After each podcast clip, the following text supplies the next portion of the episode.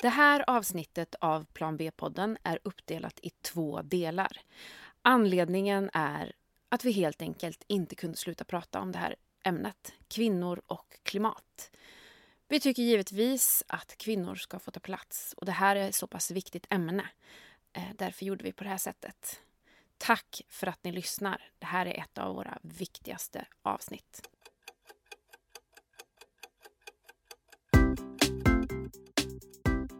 Nu tillskriver jag influencers en jädra massa makt, men det har de också. Vill man då ha en jädra liksom, fossilkramare till man som en, en kvarnsten runt halsen?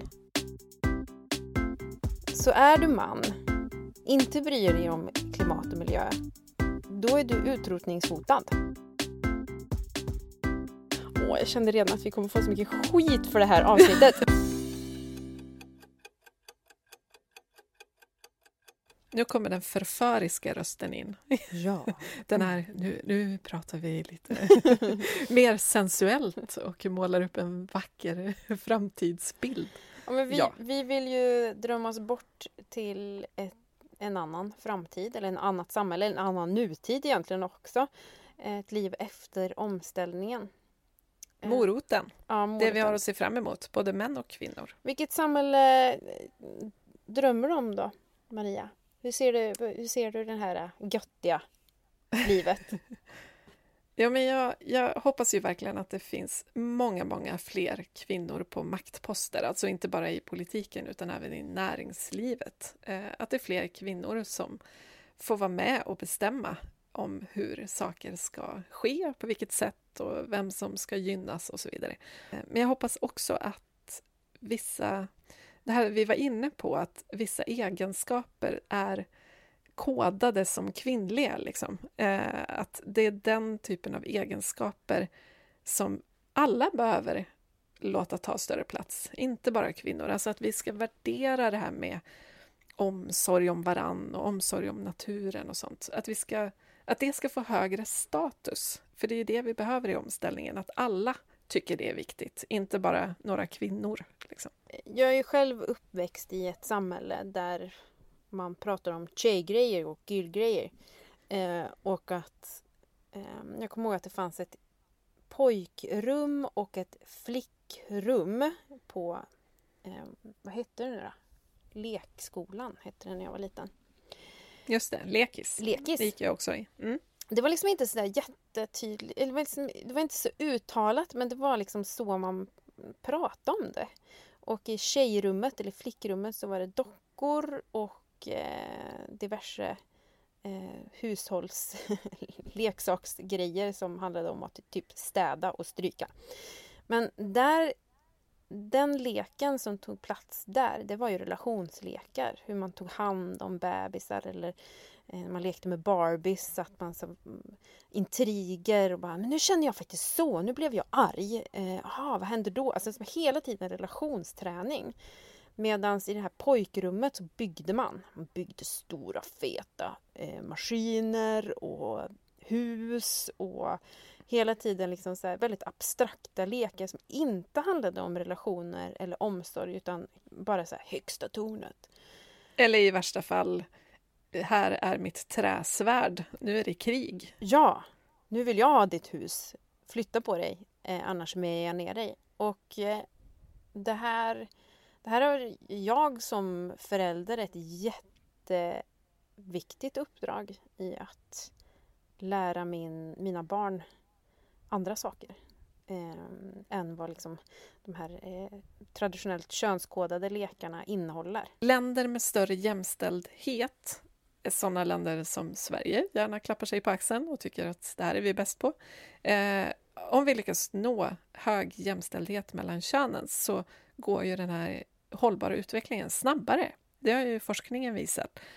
Så att jämställdhet är ju liksom både en förutsättning för demokrati, alltså alla måste få vara med och bestämma, och hållbar utveckling. Och vi behöver ju verkligen, verkligen båda två om vi inte ska hamna i de här framtidens klimatkrig och allt det där. Jag tror att vi måste höja de här traditionellt kvinnligt kodade egenskaperna högre. Eh, och det hoppas jag på det här plan B livet. Att det är liksom the shit. För det är det som vi kommer behöva i eh, det här göttiga livet. Att man pratar mer om människorna, mindre om pengar. Och att, en, och att en sjuksköterska tjänar en bra lön för hon gör något jädrigt viktigt. Eller han, för den delen. För har hon en bra lön, då kommer han också vilja jobba med det. Alla yrken som handlar om människor eller omsorg ska ju bara ha dubbellön. Ja, ja, ja. Och för att inte snacka om hur, hur mycket vi kommer att behöva dem i en kris. Det ser vi ju nu med coronakrisen. Liksom. Sjukvården är ju det viktigaste vi har just nu. Och de är underbetalda och går på knäna. Så kan vi inte ha det. Nej, det är orättvist. Så hur löser vi det då? Vi kanske låter lite fler kvinnor vara med och definiera behoven? Eller vad säger du? Ja, men fler måste ju komma till tals. Kvinnor måste också vara med i beslutsprocesserna så att inte lösningarna gynnar dem som, som redan har allt och sitter på makten. Nej, men precis. Om samma män som sitter vid makten idag ska komma på de nya lösningarna, då kommer ju de lösningarna att gynna exakt samma människor som idag, det vill säga vita män. Så att det är ju, ju mer mångfald vi har i beslutsprocessen, desto större chans att ingen hamnar i kläm. Sen tänker jag att vi måste visa solidaritet också med, med alla som inte haft samma tur i det här härliga livsstilslotteriet som vi har hamnat i. Alltså att vi ser sambandet mellan vad vi köper, hur det har producerats och hur andra människor, då, framförallt kvinnor, har det på grund av det. Eh, så att vi kopplar den här Female First-tishan till kvinnan som faktiskt sytt den och som har det jävligt tufft i livet. Eh, att det kanske inte är rätt val att lägga slanten på tröjan utan att lägga slanten på en organisation som kämpar för hennes rättigheter. Jag tror att Female First-tröjan är utrotningshotad. Vi kommer inte behöva den i framtiden. För att vi kommer liksom, det kommer vara så grundläggande att vi tänker på andra människor. För att vi i Sverige framförallt eh, har möjligheten att göra det. Så jag tror och hoppas att i i framtiden så kommer vi prata mindre om nyans på väggarna och det ytliga eh, och mer om hur vi kan hjälpa andra och också förstå våra egna privilegier. Alltså jag tror inte, det tycker jag ändå är ganska skönt på ett sätt att ju mer jag engagerar mig i klimatfrågor desto mindre bryr jag mig hur det ser ut hemma. det är liksom inte viktigt längre. Det är ju som på sommaren, du vet. Alltså, när man helt plötsligt kommer in i ett badrum och tittar sig i spegeln och bara jädrar, ja det var jag, just det, för jag har inte tittat mig i spegeln. För jag har, haft, jag har varit fullt upptagen med att njuta av sommaren och naturen och liksom bara, helt plötsligt bara skitit i hur jag ser ut. Alltså, det finns aldrig som jag liksom mår så bra som på sommaren för att jag har liksom inte tid att tänka på sådana triviala saker som hur jag ser ut. Nej men exakt att du har så här, osminkad, otvättat hår, eh, diverse märkliga ojämna solbrännor. Men bekymmersrynkan mellan ögonen är typ borta för att du har haft det gött. Den grejen vill man ju åt. Vägen mot det här plan B-livet tror jag eh, kantas av många olika saker. Framför allt så tror jag att vi ser vår makt och vårt ansvar. Jag tror också att det kommer sättas en hel del press på oss, mm, framförallt i Sverige. Och kanske även influencers. Influencers! Mm. Nu sa jag det. Eh, jag, jag ser vart du är på väg här. mm. ja, men jag tänker att idag så pratar man om influencers, influens, jag kan inte säga det utan värmländsk klang. Influencers. Då pratar man om influencers eh, makt och även ansvar. Och jag hoppas så jädra innerligt att fler förstår sin otroliga makt och kanske också sitt ansvar. Och att det här, att jag tror att man ärligt talat skulle kunna skapa förändring på en månad om alla gick samman. Det här är ju faktiskt ett av få områden eller en av få branscher som kvinnor har makten i. Det finns många, många, många fler eh, liksom framgångsrika influencers än det finns manliga influencers. som, som har lyckats, liksom. som når ut, som berör sina läsare, som har deras öra. Liksom. Eh, det här är ju, det är ju en sån fet möjlighet och det är lite deppigt att inte fler ser den. Att man kan, man kan bli historisk för något annat än att äga flest snygga väskor eller ha det dyrast i köket. Liksom.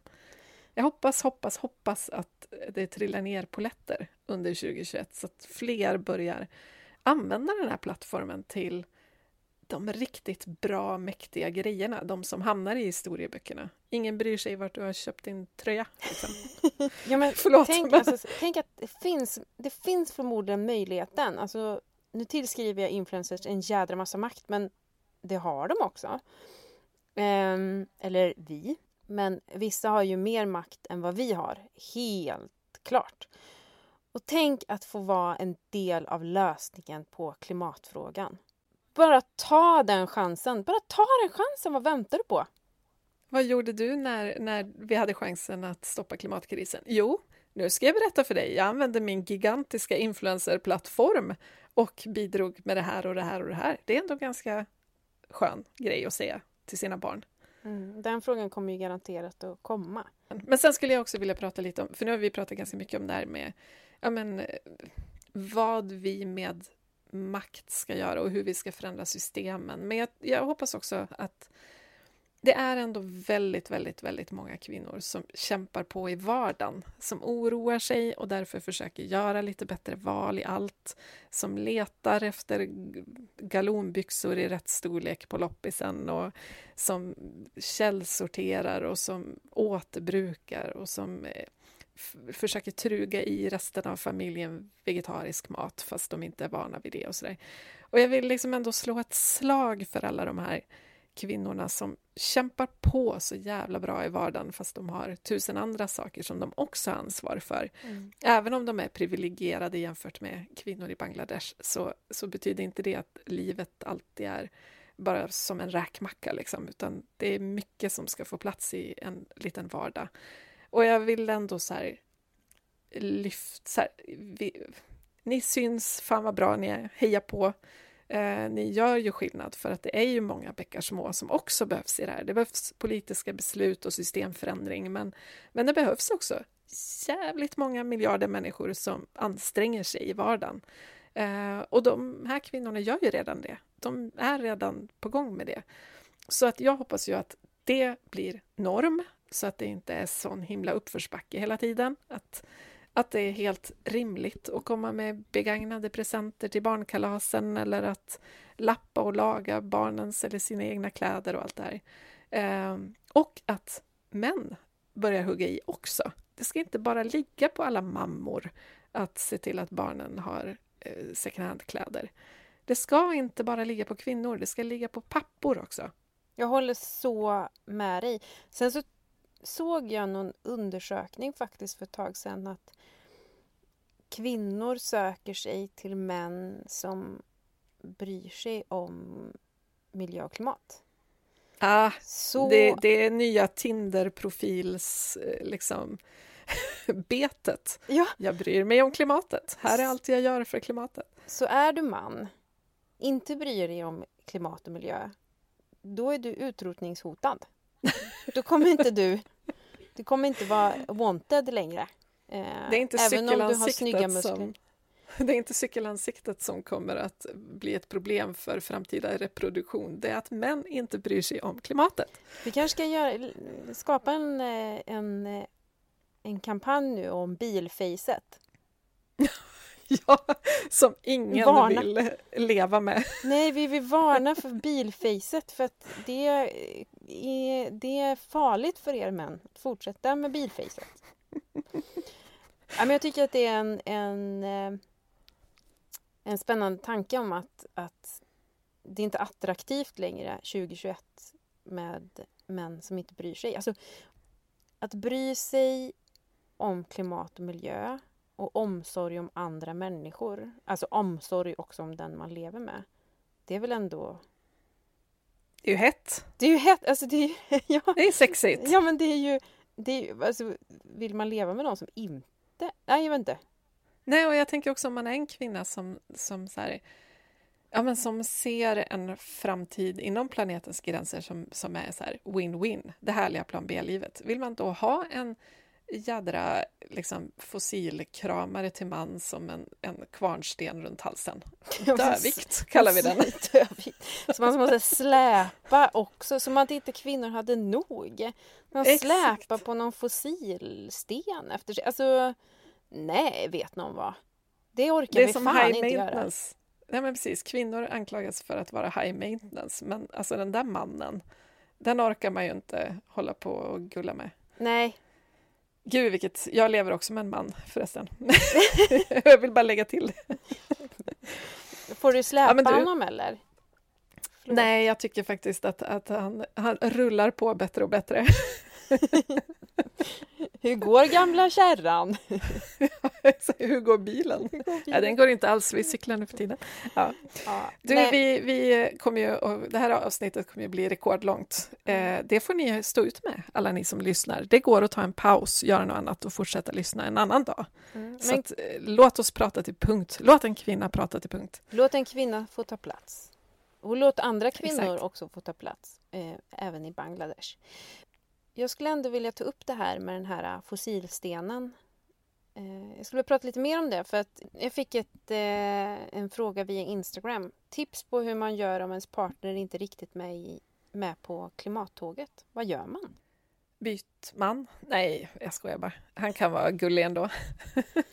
Men, ska man... men, men det, här, det här måste ju vara ett ganska vanligt problem eftersom kvinnor oroar sig mer mm. och män bryr sig mindre. Det måste ju finnas ganska många heterorelationer där det här problemet uppstår, tänker jag. Um, ja, vad är dina bästa tips? Men jag tänker att vi kanske faktiskt ska göra ett helt avsnitt om det här för att jag tror att den här frågan behöver ta plats. Och vi kanske kan ta med någon psykolog som också kan reda lite det här. Nej men jag, apropå det här med omsorg eh, om andra så handlar det om att få sina känslor tagna på allvar. Och att ens oro ska bli tagen på allvar eh, av en, den man lever med. Det tycker jag är viktigt att man också berättar för sin partner om att det, det här liksom kan inte leva ett, en, en relation där, där min oro för framtiden inte tas på allvar. Och att man ska heller inte behöva dra sin partner. Det är inte... Nej. Alltså, att visa att man går in i en relation och visa att man bryr sig i en relation. Det handlar ju också om att se och lyssna och att förstå, försöka förstå eller jobba på att försöka förstå. Lever man med en person som till exempel har en sjukdom, då är det såklart att man stödjer den sin partner i det och läser på hur man bäst kan vara ett stöd. Och ja men verkligen. Det här är ju eh, faktiskt samma sak. Sen tänker jag också att det finns ju, om, om man liksom ska ta, ta det här eh, mer mysiga spåret, alltså Många män är ju ändå intresserade av saker som också kan kopplas till hållbarhet. Alltså, många män gillar att träna. Ja men bra, då kanske man ska lobba för att cykla till jobbet och att liksom börja pusha in de här hållbara lösningarna som också gynnar ett intresse som redan finns. Många män är teknikintresserade, ja, men då kanske elbilen är en kul grej att introducera i en familj, att sikta på att ja, men vi ska byta bil för det är roligare med elbil. Liksom. Jag tror väldigt mycket på, och det är inte bara män såklart, utan det gäller även kvinnor, att man måste kunna få se what's in it for me. Man måste få se någonting som man är intresserad av eller som man tycker är roligt eller som man inser kommer att göra livet lite härligare. Det är då man kan gå igång på det. Sen kan man ju göra ganska mycket av plikt och för att man känner att det är rätt och så vidare. Men man kanske inte orkar lägga samma energi om man inte också tycker att det är kul på något vis. Så jag tänker man kan ju också börja att ställa om i den ände där det finns en ingång redan så att det inte är sån himla uppförsbacke på en gång. Utan börja där det är lite kul. Och sen är det ju så här som vi alltid tjatar om med klimatglasögonen. Att när man väl har fått på sig dem och börjat ställa om någonstans, då är det mycket lättare att fortsätta för man ser ju ändå att det känns bra och det är roligt och vi vinner på det och sådär. Börja i rätt ände liksom. Och en shoutout till alla män som faktiskt gör eh, så mycket, att faktiskt visa det och gå ut på sociala medier och visa eh, att ni finns. Och inspirera andra män. Jag tänker att vi behöver fler personer att inspireras av. Vi kvinnor har ju jättemånga att inspireras av, mycket via influencers. Men eh, eh, vi behöver fler manliga influencers som vill göra skillnad och också visa att det går alldeles utmärkt att cykla och att det är någonting eftersträvansvärt. Eh, ja, som höjer statusen på alla de här hållbara grejerna. Begagnat shopping och, och cykling och alla de här sakerna som, som inte har så hög status idag. Köpa begagnat till sina barn. Hallå alla pappor, ut med er bara. Visa det på Instagram. Visa det i, på Facebook. Skryt om när du gör det. Skryt om att du åker tåg på semestern. Ehm, vi behöver fler personer som, som visar liksom, på den hållbara bubblan. Och det tror jag faktiskt att det är en så viktig pusselbit i hur vi tar oss till det här plan B-livet som vi vill ha. Det göttiga livet där vi bryr oss om varandra. Där vi bryr oss om inte bara varandra här i Sverige utan faktiskt ser oss som den här stora organismen, mänskligheten som vi faktiskt är. Hörru, nu är det dags för listan. Ja, apropå listan, nu ska du få höra någonting. Hör du där? Ja, vad är detta? Vänta, nu ska du få höra. Listan. Listan. Listan.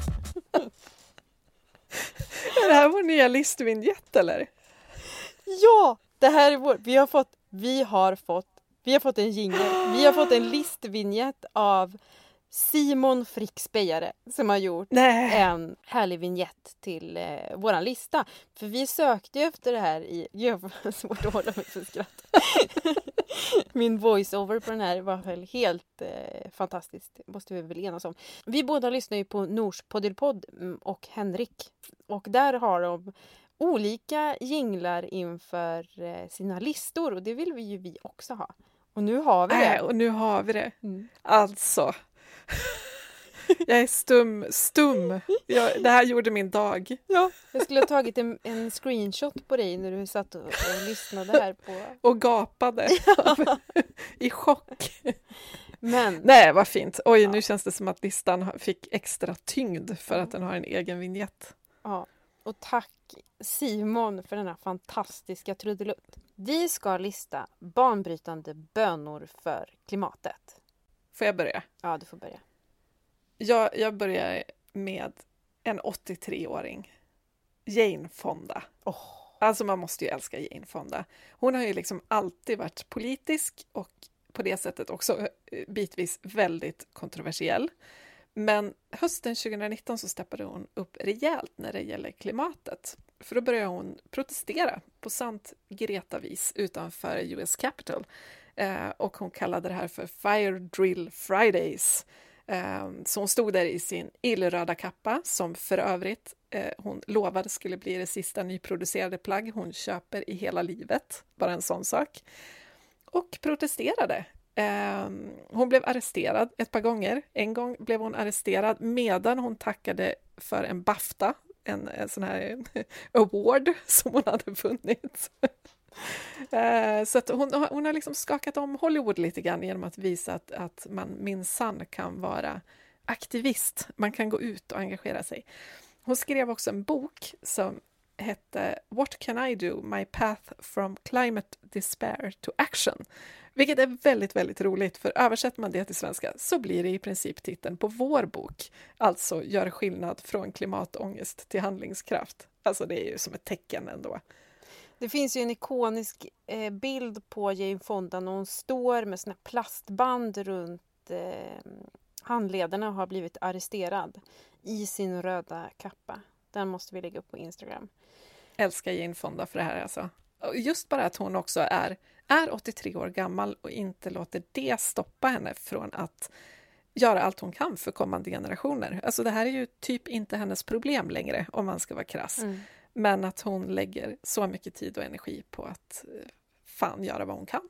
Nummer två på listan är supermodellen Giselle Bündchen som är med i Netflix-dokumentären Kiss the Ground. Och om du inte har tittat på den så tycker jag verkligen att du ska spana in. Och jag såg ett digitalt eftersnack till filmen där hon, utman, upp, där hon uppmanar människor att agera och ifrågasätta hur vi konsumerar och hur vi konsumerar naturens resurser. Och hon poängterar att vi behöver planeten för vår överlevnad och våra barns framtid. Jag tycker att det är rätt balt att en person som förmodligen har tapetserat hela världen med reklambudskap om att konsumera, då framförallt bikinis, faktiskt ställer sig på andra sidan och vill göra annorlunda. Hatten av för det och det är aldrig för sent att ändra sig. Eller jo, det är det, för någon gång kommer det vara för sent. Men eh, Giselle är i tid. Ja, okej, okay, punkt tre. Eh, nästa skådis, Kate Blanchett. Alltså varför har vi valt att lista bara människor med svåra namn? Mm. eh, Kate Blanchett. Förutom att göra film så driver ju Kate, hon är ju från Australien, så hon driver Sydney Theatre Company med sin manusförfattarman. Och de har faktiskt ställt om Sydneys teater de har installerat solpaneler på, på taket. Eh, de har gjort något slags fiffigt regnvattensystem för att de inte ska förbruka så mycket vatten. De använder återbrukat material när de bygger kulisser till olika pjäser. De har reducerat avfallet i verksamheten och så vidare. Och så vidare. Och det här, jag älskar det för att hon blir liksom en konkret förebild som andra teatrar kan ta efter. Alltså alla branscher behöver ju någon som visar hur det går till. Och kan de så kan andra teatrar. Jag vet inte, hur står det till på Dramaten? Har de solpaneler på taket? Ehm, hon var också väldigt tidig med sitt engagemang. Redan 2011 så gjorde hon en reklamfilm som handlade om att det borde införas en koldioxidskatt i Australien. Så det här är inget nytt, utan hon har kämpat på i tio år med det här. På plats nummer fyra så har vi Shailene Woodley som är med i Big Little Lies. Vad heter hennes eh, rollkaraktär? Jane Chapman, va? Jane, Jane, Jane just Chapman. det, det är Jane i Big Little Lies. Eh, älskar eh, hennes karaktär som är liksom den alternative person i this village. Eh, ensamstående mamman. Ja, precis, den ensamstående mamman. Shailene eh, använder sina sociala medier för att eh, lyfta klimatkrisen och gör det på ett Alltså, hon mesar inte kan man ju lugnt säga. Hon har varit ute med Greenpeace för att hon har satt upp mål för sig själv att ja, men det här året ska jag liksom nörda in i havet. Hur mår de? Eh, hur, hur står det till med plasten egentligen?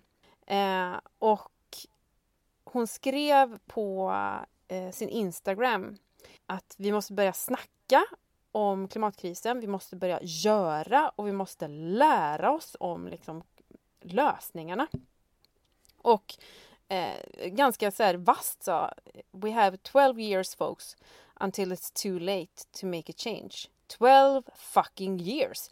Så att hon är ganska liksom, hon är ganska vass i sin kommunikation. Det är inget eh, som verkar gå genom någon form av eh, eh sociala medier eh, eh person, om man säger så. Inga, inga fluffiga vantar på där, utan det är boxhandskarna. Ja. Anledningen till att vi gör den här listan med kända kvinnor, det är ju för att visa på de som faktiskt använder sin makt att förändra. Eh, och vi hoppas, apropå influencers. Apropå influencers. Och att vi vill se den här li listan göras mils lång. På plats fem då så har vi Rihanna. Eh, hon har lagt väldigt mycket tid lite i skymundan faktiskt eh, på en sjukt viktig del av klimatkampen som lätt glöms bort. Och det är ju att vi faktiskt måste preppa för att det kommer att komma konsekvenser av klimatförändringarna eh, på olika sätt. De är redan här, liksom. det är ingenting som vi kan... Vi, vi ska ju försöka bromsa klimatkrisen så mycket det bara går, men vi kommer att behöva hantera till exempel fler naturkatastrofer.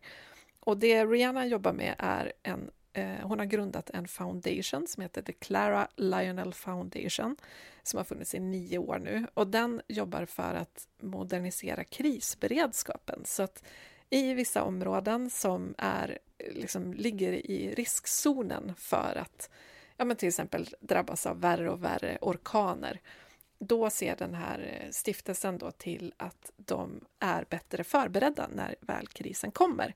Så att det kanske räddar en massa människoliv, också att det är lättare att bygga upp saker igen, att människor får varningar i tid och så vidare. och så vidare.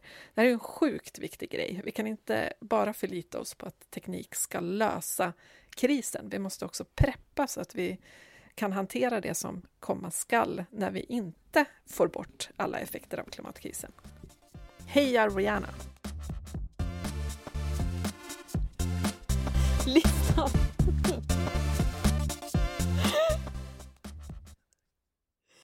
Men jag vill också haka på en, det här var ju fem personer, nu har vi gjort en lång och fin lista med en snygg ny vignett. Men jag skulle vilja haka på en liten minilista också med lite mindre glammiga namn. Om vi nu har tagit Hollywoodstjärnor och världsartister så har jag ändå tre namn som jag tycker man ska kolla upp också, som man säkert har koll på några av dem i alla fall. Och den första är Alexandria Ocasio-Cortez, alltså AOC. Det här är ju den här fantastiska unga amerikanska politikern. Hon är den yngsta kvinnan någonsin i kongressen till exempel, eh, som redan från dag ett i princip började få igenom en Green New Deal i USA. Eh, hon är väldigt spännande att följa, hon har väldigt mycket bra idéer och framförallt har hon ett jäkla driv eh, som man blir inspirerad av. Jag får typ energi av att följa henne i hennes politiska karriär. Sen vill jag också nämna Rachel Carson. Hon är en väldigt tidig miljökämpe som jag inte tror så jättemånga svenskar känner till. Hon var forskare och miljökämpe då, och hon skrev olika böcker, bland annat en som heter Silent Spring eller Tyst vår. Och den kom ut 1962 och den skakade om så mycket att eh, DDT, det här fruktansvärda miljögiftet, faktiskt blev förbjudet tack vare boken. Tänk om ännu fler hade lyssnat på henne när det begav sig. Liksom. Eh, så henne ska man kolla upp för att det, jag tycker det finns en poäng i att ha lite koll på historien också när det gäller klimat och miljökamp. Och sista, Naomi Klein, kanadensisk författare, filmskapare och aktivist. Och hon har skrivit väldigt många prisbelönta böcker om olika samhällsfrågor, inte minst om klimatet. Så det här är värsta härliga guldgruvan av kunskap och insikter. Och jag vill ändå ta tillfället i akt att nämna ett namn som eh, vi ofta tar upp i podden men som jag vill avsluta den här fantastiska listan med och det är ju Greta Thunberg. Eh, tack för engagemanget och eh, draghjälpen. Fasen att du behöver kämpa så hårt när det är vuxna som borde göra det här jobbet. Eller hur? Ja, det blev en lång lista, det blev ett långt avsnitt, men det tycker jag ändå det här avsnittet ska ha en lång lista med bra, starka kvinnor som inspirerar och som ska få cred för allt de gör. Ska vi, eh, har du en härlig vignett för utmaningen också eller? Eh, inte än, men vi kan köra sen. Listan!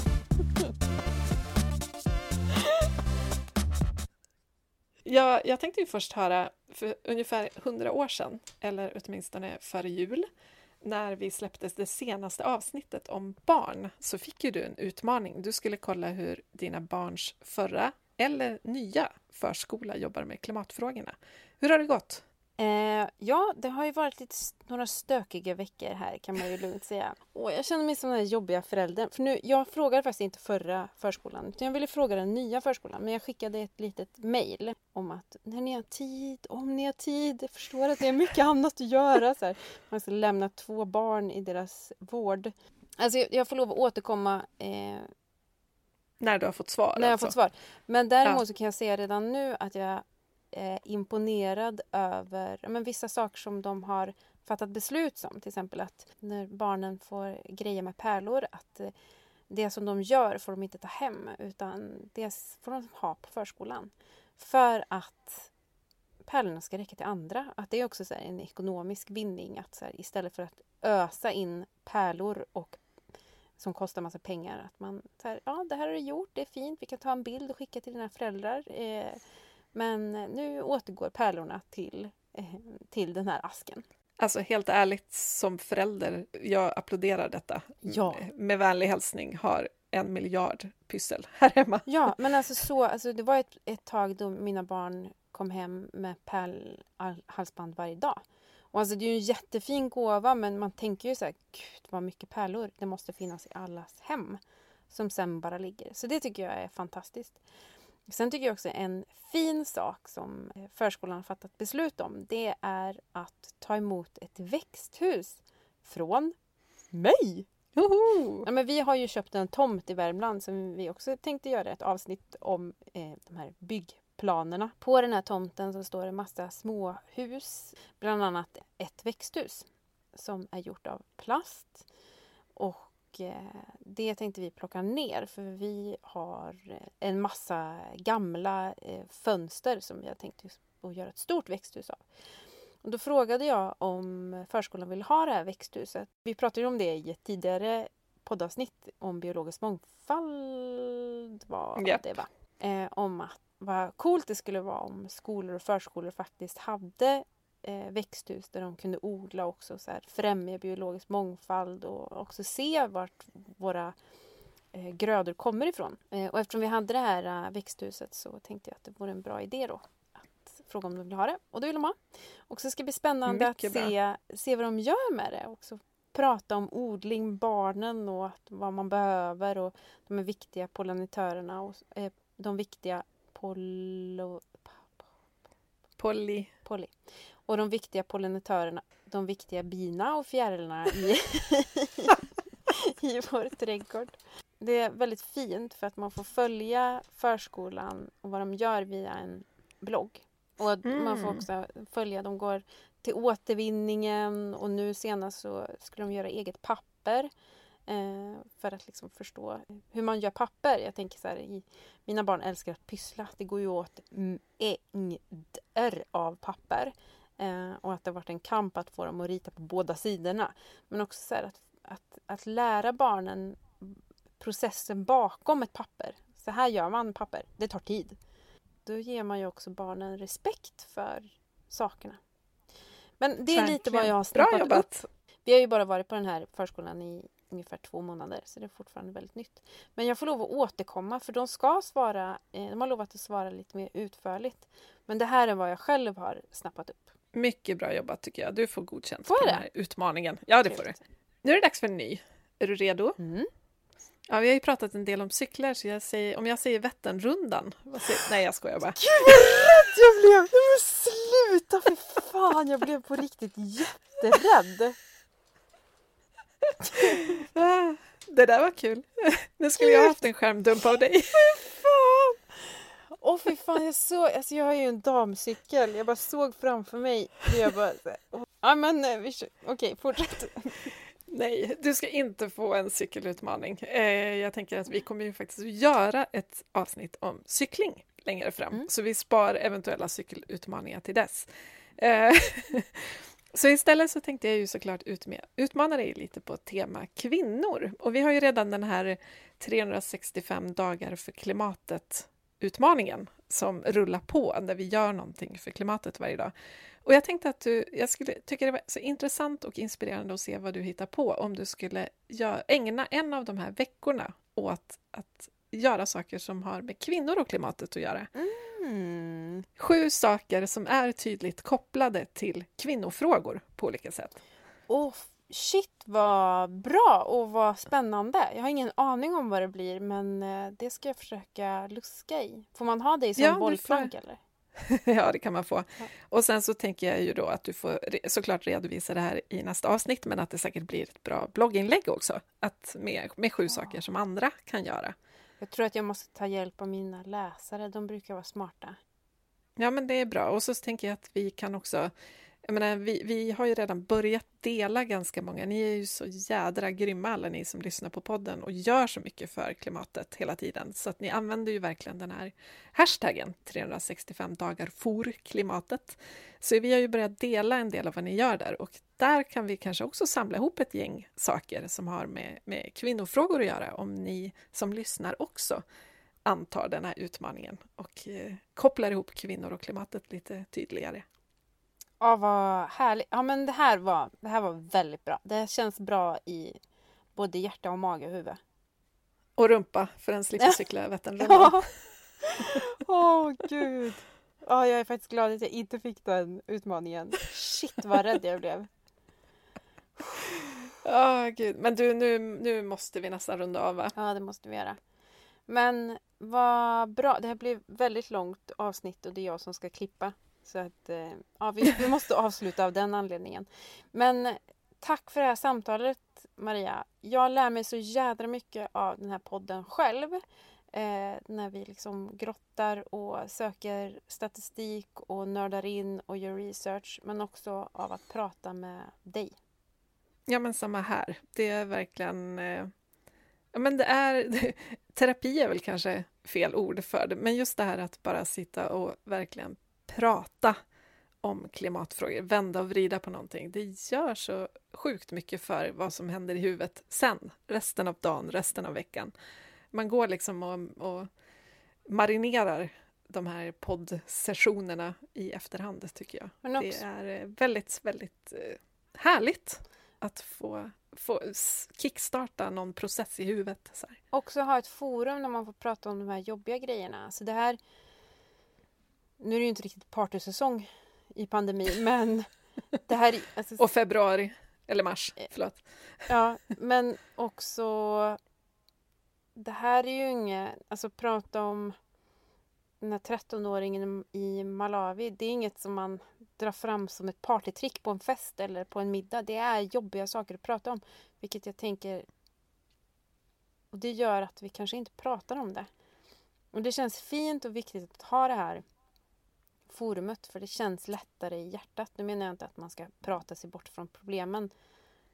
För vi behöver definitivt... Jag är väldigt taggad på att göra mer. Men, ja känns lite ja, som verkligen. att luften är lite lättare att andas kanske när man har pratat om jävligt jobbiga saker. Ja, men jag tycker också det. Och det är ändå så här, vi försöker ju ändå alltid styra in det på någon form av lösningar och att man ska känna att få energi och lite så här jävlar anamma att vilja förändra mm. saker. Det är det vi hoppas den här podden ska leda till, att man lyssnar på det här och så tänker man ja men herregud, så här kan vi inte ha det och så går man ut och gör någonting, mm. vad som helst. Eh, det är det vi hoppas på. Och Alltså det här samtalet, nu är det bara du och jag, vi, vi intervjuar folk, men i övrigt så är det ju bara du och jag som håller låda här. Men vi tänker ju också dels att vi såklart ska göra en Instagram live av det här avsnittet, så man får hålla utkik på Plan B-poddens konto, så berättar vi när den blir. Um, lyssnar man på det här långt i efterhand så har vi säkert redan haft den, men då finns den ju sparad så man kan titta där. För vi vill ju prata med er också, alltså kommentera på våra bloggar och, och Instagramkonton och Plan B-poddens Insta så att vi kan fortsätta diskussionen utanför de här mikrofonerna. Liksom. Jag hoppas också att vi återkommer till ytterligare ett avsnitt om kvinnor i framtiden. Men eh, följ Plan B-podden på Plan P-podden på Instagram heter vi. Väldigt eh, lätt att komma ihåg. Har du något inspel eller vill tycka till eller faktiskt skicka in ett röstmemo som vi spelar i, upp i eh, spelar upp i eh, podden så mejla oss på planbpodden gmail.com Gött! Följ oss, mejla oss, hör av er, kommentera. Eh, gå ut och förändra världen under hashtaggen 365 dagar för klimatet. Och skänk en peng till Diakonia. Ja, gör det. Herregud. Vi måste lära hur många flickor som helst att cykla, känner jag nu. Man får gärna höra av sig om man har skänkt pengar. Då kanske vi kan räkna ihop hur många tjejer som ja. har fått lära sig att cykla i slutändan. Ja! Det hade ju varit fantastiskt. Och sen så måste vi prata mer om det här cykelansiktet. Herregud, alltså. Världen. Ja. Men du, tack för idag. Tack för idag, Emma. Det är som alltid ett, ett nöje att prata med dig. Ja, detsamma. Ha det gött! Ha det bra! Hej. Hej.